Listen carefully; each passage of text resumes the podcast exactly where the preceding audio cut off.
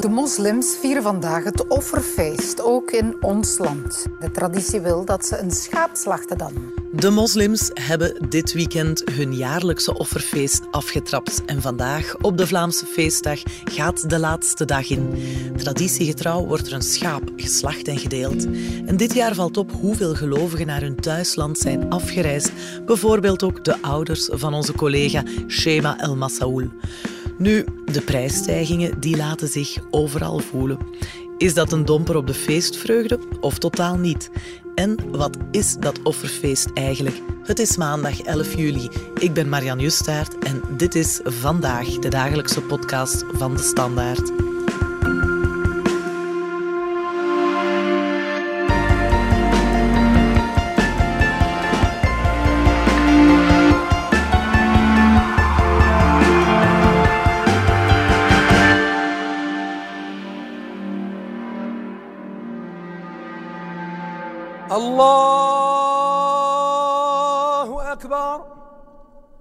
Allah Shaima El Massaoul van onze podcastredactie. Ja, jij weet alles van het offerfeest. Opvallend is dat dit jaar veel gelovigen naar een islamitisch land trekken hè, om het te vieren. Hoe komt dat? Is dat uitzonderlijk? Ja, Marian, het moment van het jaar is eindelijk aangebroken, het offerfeest. Het feest waar moslims ja, hun vrijgevigste kant belichten. Maar dit jaar loopt het toch wat anders dan normaal. Heel wat gelovigen vertrekken komende dagen naar hun thuisland om het festijn te vieren met familie en vrienden. En dit komt eigenlijk doordat het offerfeest voor de allerlaatste keer in de zomervakantie valt en niemand dit voor geen enkel goud zou willen missen.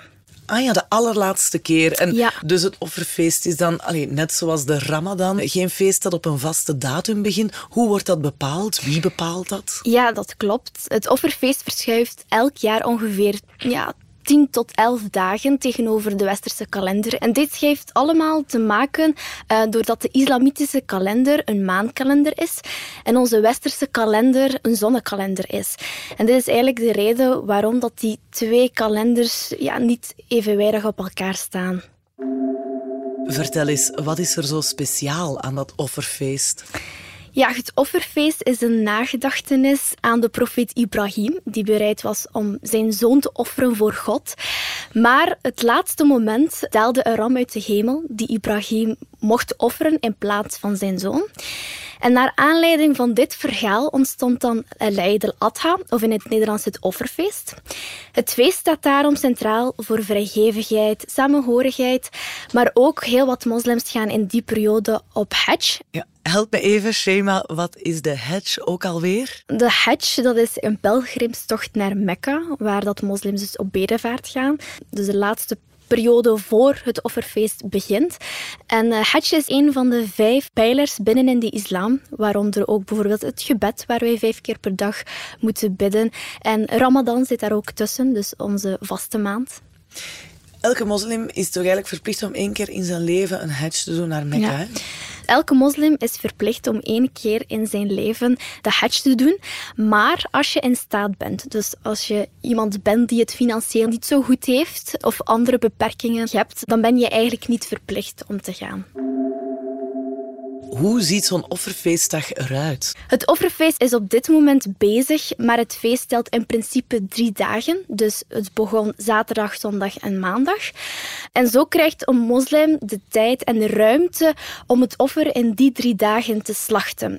En dus op de eerste Eiddag verzamelen moslims in de ochtend om samen het Eidgebed te verrichten. Eh, in het Nederlands is dat het offerfeestgebed.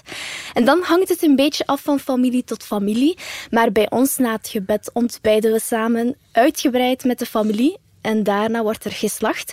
En ik denk eigenlijk dat ik zou mogen spreken over de meerderheid van de moslims, dat dit wel een beetje gelijkaardig loopt. En dan, na het slachten, komt het offer naar huis en worden er heerlijke maaltijden mee bereid. En nu, ja, met het onverdoofd slachten, vormt dit wel een beetje een belemmering. En dit is ook een extra reden waarom heel wat mensen in ons land naar hun thuisland vertrekken om zonder problemen te kunnen slachten. Er zijn wel heel wat regels die daaraan verbonden zijn.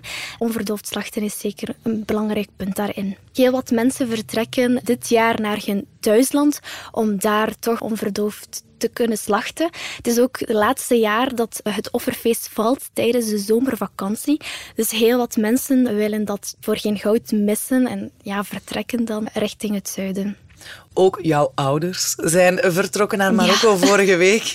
Ja, dat klopt. Dus jij viert hier helemaal alleen het offerfeest. Ja, ik zag eigenlijk de voorbije dagen heel wat mensen met bagagedragers op hun dak, met piepende banden richting het zuiden vertrekken. Ook mijn ouders, want zij willen daar voor de allerlaatste keer het offerfeest in de zomervakantie met familie en vrienden kunnen vieren. En ik vier in België alleen het offerfeest, ja, weliswaar met andere familieleden en vrienden. Want ja, ik kan de podcastredactie niet zomaar achterlaten, hè Marian? Klopt, mooi. Jij belde ook met Nadia Amar. Ook zij is vertrokken naar Marokko. Dat klopt. Ja, en we horen eens waarom zij dat graag elders viert.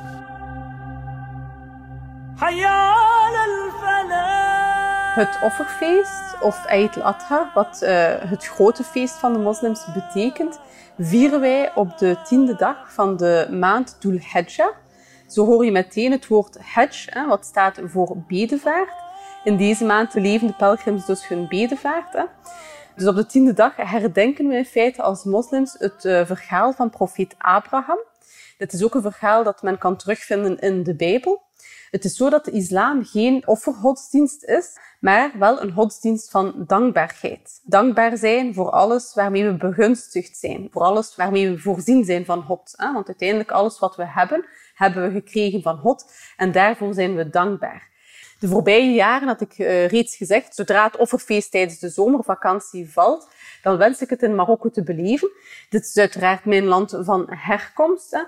Nu, corona heeft goed in het eten gestrooid, in die zin dat we de voorbije jaren niet zijn kunnen gaan omwille van corona. Maar dit jaar hè, zijn we dolgelukkig dat we toch naar Marokko zijn kunnen afreizen. Het is ook helaas de laatste keer dat het eh, voor een lange periode in de zomervakantie zal vallen. Hè.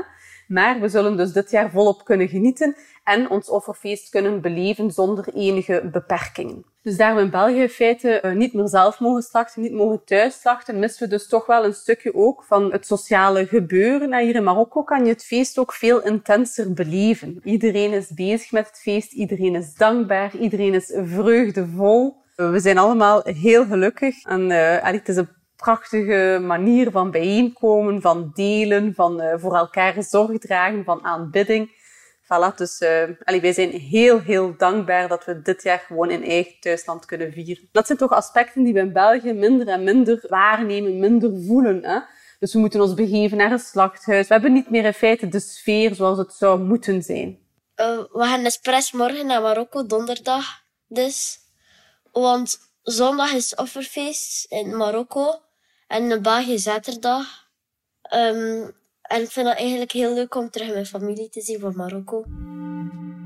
We gaan er even uit voor een korte boodschap. Hé, hey, luister haar. Ik wil je niet storen hoor. Nee, in tegendeel. Ik wil gewoon even zeggen dat ik heel blij ben dat je een momentje voor jezelf neemt. Ma, ik ben thuis, hè. Het leven is al druk genoeg soms. Wat gaan we eten? Ja, schatje, ik kom subiet. Ik moet eerst nog even iets afwerken. Oké. Okay.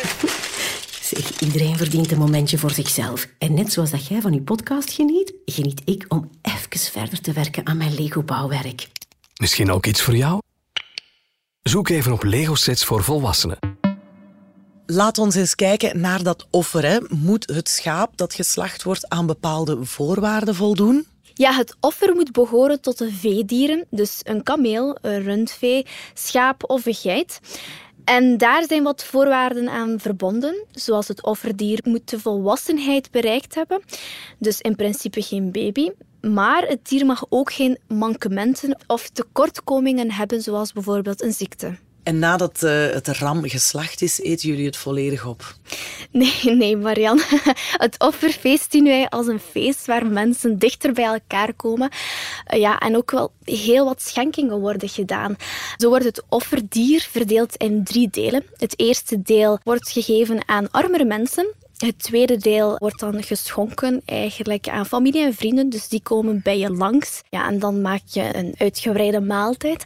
En het derde deel mag je eigenlijk zelf gewoon verorberen. Shema, jij belde ook met Abdelkader Alami van de VZW Islamitische Offerfeest. Ja, dat is een VZW uit Antwerpen die de verdediging opneemt van het offerfeest. En zij verdelen in ons land schapenvlees van dieren die ritueel geslacht zijn in Ierland, waar het wel nog onverdoofd mag. Wij hebben sinds 2017 niet meer operationeel geweest uh, omwille van uh, decreetswijzigingen omdat we niet meer uh, het ritueel slachten voor het offerfeest mogen uitvoeren, zoals beschreven in uh, de Koran. Het debat nu hoeft niet meer te gebeuren, omdat er al een arrest is geveld door het Grondwettelijk Hof en het Europees Hof. Uiteraard zijn wij daar als organisatie om dat te verdedigen. En wij weten nu al, en dat is ook geresulteerd in het laatste stemming in het Brussels parlement, en we hebben ook ingezien dat als de parlementsleden goed geïnformeerd zijn van het echte verhaal, dat zij ook hebben gestemd. En uiteindelijk hebben zij uh, het decreet dat zij ook wouden uh, in, in, in voegen laten treden, is dat niet doorgegaan. We hebben, uh, laten we zeggen, uh, besloten om een land te verkiezen binnen het Europees continent, waar het onverdoofd slachten nog mag gebeuren zonder veel polemiek. Hè? Waarvan Ierland een van die landen is die zowel voldoende schapen heeft en uiteraard nog het onverdoofd slachten nog toelaat. We horen hier Abdelkader Alami. Dat debat in het Brussels parlement, daarover hebben we hier al een podcast gemaakt. Uh, gaan we niet opnieuw doen. Maar klopt het dat er dit jaar extra veel donaties worden gedaan in plaats van een slachting? Ja, in principe is het wel verplicht om uh, het dier te slachten. Maar we zien de laatste jaren dat er heel wat mensen toch wel dus de prijs van, van het offerdier gaan schenken door het verbod uh, van die onverdoofd slachten hier bij ons in België. Um, en daarom gaan mensen veel liever het geld doneren aan armere mensen dan verdoofd slachten. Deze editie 2022, in uh, 9 juli, zal dat doorgaan hebben wij niet zoveel reacties of inschrijvingen gekregen. En dit is, dit is te wijten aan verschillende factoren uiteraard. Een van de factoren die wij hebben gezien is eigenlijk dat veel zijn afgereisd naar Marokko en andere landen. Een andere factor is ook, veel mensen geloven niet in uh, nog een offerfeest, omdat zij ook zien dat er niet meer onverdoofd mag geslacht worden, zowel in Vlaanderen en Wallonië. En zij eigenlijk schrik hebben dat zij iets gaan aankopen dat niet, laten we zeggen, geofferd is volgens de religie. Het is niet omdat het offerfeest niet kan doorgaan dat iedereen gaat doneren. Voor de rest heb je ook nog een deel van mensen die toch nog zoeken ook om uh, te doneren. Maar dat zijn er wel heel weinig. Nu, blijkbaar heeft de prijs van het vlees er ook iets mee te maken. Hè? Want er zijn heel veel prijzen uh, omhoog gegaan. Mm -hmm. Van energie en voedingsmiddelen. Maar ook dus van ja, de offerdieren, hè, de schapen. Ja. Ja, dat klopt. We zien sinds de coronapandemie dat ja, de schapenprijzen in de lift zitten. Overal ter wereld eigenlijk. En bij ons kost een gemiddelde schaap 200 euro. Maar bijvoorbeeld in Marokko kost dit gemiddeld 500 euro en kan zelfs oplopen tot 1000 euro. Dit heeft eigenlijk een beetje te maken uh, van welk soort ras dat je eigenlijk kiest. Maar we zien ook dat heel wat mensen, bijvoorbeeld in Marokko, ja, hun lonen zijn daar ook veel lager dan bij ons hier in België. Dus voor hun is dat onbetaalbaar. En eigenlijk dat die prijzen zo ja, zijn gaan stijgen, komt een beetje dus door die coronapandemie, maar ook door de oorlog in Oekraïne. En we zien ook dat die veevoederprijzen uh, ook zijn gaan stijgen, waardoor dat ook die schapenprijzen de hoogte zijn gegaan. Nu, op sociale media circuleert de hashtag Laat het belaten, waar een oproep wordt gedaan om geen schaap of lam dit jaar te kopen in Marokko. Maar ja, het offerfeest blijft een ding, dus of eigenlijk die hashtag veel aanhangers zal hebben, is ja, nu wel de vraag. Maar ja, dus door die hoge prijzen willen ze eigenlijk een, een soort van boodschap naar buiten brengen aan de buitenwereld van dit kan niet meer. Wat jij hier nu zegt, dat zei eerder ook al de Nederlandse correspondente Samira Yadir in Marokko. En zij zei dat in Bureau Buitenland op NPO Radio 1. De hashtag luidt Laat het blaten. En het is een oproep om dit jaar geen schaap of ander offerdier te kopen. Uh, de prijzen van de schapen gaan eigenlijk altijd omhoog in de aanloop naar het offerfeest. Maar dit jaar zijn er andere factoren waardoor de schapen duurder zijn. Ja, het offeren van een schaap is een van de religieuze verplichtingen. Uh, maar als je er geen geld voor hebt, ben je ervan vrijgesteld. Maar je hm. ziet hier in Marokko juist dat de armere mensen per se een schaap willen offeren. En deze mensen willen liever geen gezichtsverlies lijden in de buurt. Uh, dan is er de angst dat andere mensen zullen denken dat je als kostwinner niet in staat bent om voor je gezin te kunnen zorgen. Dus er zit een soort van trots in om een schaap te kunnen kopen voor je gezin. Er wordt hier wel uh, een beetje lacherig uh, gedaan over, over die boycott. Maar de meeste mensen die ik hier heb gesproken zeggen nu dat ze geen schaap zullen koop, uh, kopen. Maar ervaring leert dat toch een paar dagen voor het offerfeest begint het voor de meeste mensen toch wel te kriebelen. En zullen ze het uiteindelijk toch wel gaan doen. en desnoods moeten ze het geld ergens anders gaan lenen. je hebt hier zelfs speciale bankleningen daarvoor. In Nederland is er wel wat uh, commotie rond een uh, artikel dat in de Volkskrant verscheen. Mogelijk is het ook wel breder gedragen.